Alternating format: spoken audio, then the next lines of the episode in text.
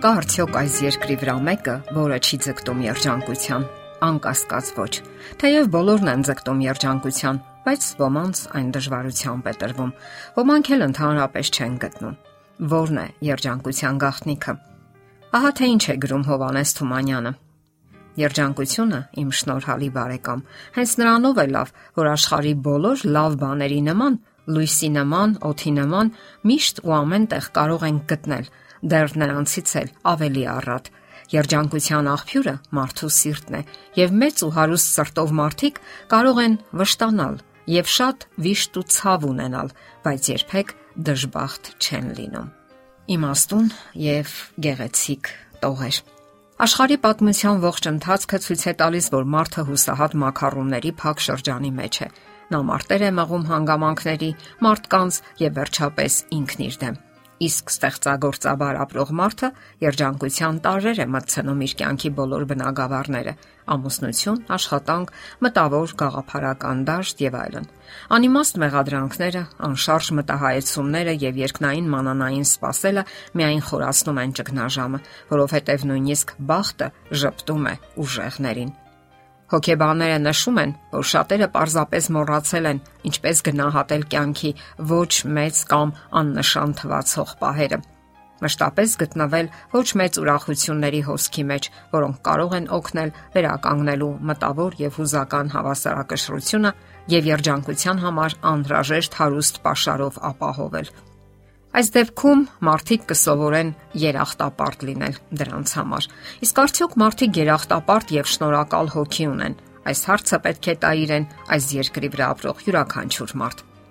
Իսկ ինչ է սպասվում մեզ հակառակ դեպքում հիվանդություններ, որ մասամբ հետևանք են հուզական ոլորտի խանգարումների, խախտումների, որոնք էլ արդյունք են տհաճույզերի, հոգսերի, վախերի, հիասթափությունների եւ ճիրականացած ցանկությունների ամենօրյա միապաղաղ կատկթոցի մեծ տրամաբանություն պետք չէ հասկանալու համար, որի վերջո մարդուն երջանիկ դարձնել ի վիճակի չեն ոչ հասարակական բարեփոխումները, ոչ օրենսդրական բարեփոխումները կամ էլ սոցիալ-տնտեսական խնդիրները հաջողությամբ լուծելը։ Երջանկությունը կյանքի յուրաքանչյուր ակնթարթը ըստ արժանվույն պատշաճ գնահատելն է, մարդկանց անկեղծորեն սիրելը, անկախ նրանց սոցիալական կարգավիճակից կամ բնավորության որակներից։ Հարկավոր է գիտակցել նաև սեփական եզակիությունը,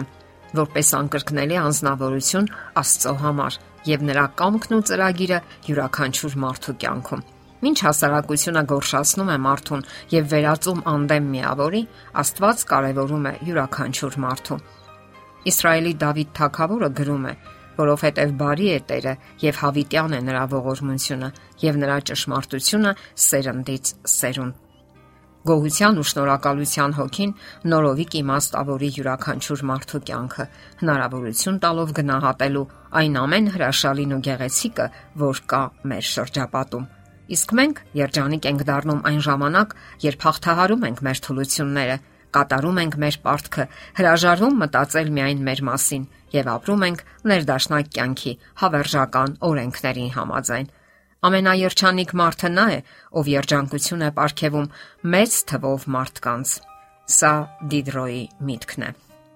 Երջանկությունը կարելի է ձևակերպել որպես մի խոր հոգևոր վիճակ՝ խաղաղության, ուրախության եւ անհոգության համակցություն։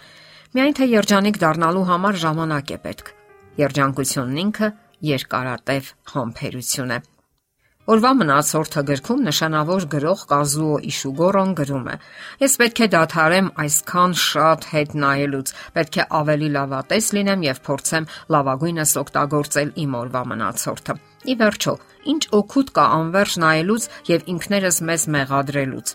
որ կյանքը մեր ուզածի պես չդասավորվեց։ Որն է ճափից ավելի մտահոգվելու իմաստը թե ինչ կարող էինք կամ չէինք կարող անել մեր կյանքի ընթացքը մեր ձեռքը վերցնելու համար։ Անխոս ինձ ու ձեզ նմանների համար բավական է եւ այն, որ գոնե փորձենք մի փոքրիկ ներդրում իսկական ու արժեքավոր դարձնել։ Ու եթե մեզանից ոմանք պատրաստ են նման նկարտումների համար շատ բան զոհաբերել կյանքում, ապա դա ինքնին անկախ վերջնական արդյունքից հպարտության ու գոհունակության պատճառ է։ Շվեդացի գրող եւ սննդաբան Էլիզաբետ Կարլսոնը օրինակ առաջարկում է չկարչել երջանկություն պատկերացումից, որովհետեւ այդ դեպքում մեզ հիասթափություն է սպասվում։ Հարկավոր է պարզապես հետևել որոշ կանոնների։ Օրինակ, ունենալ այնքան, որքան անհրաժեշտ է։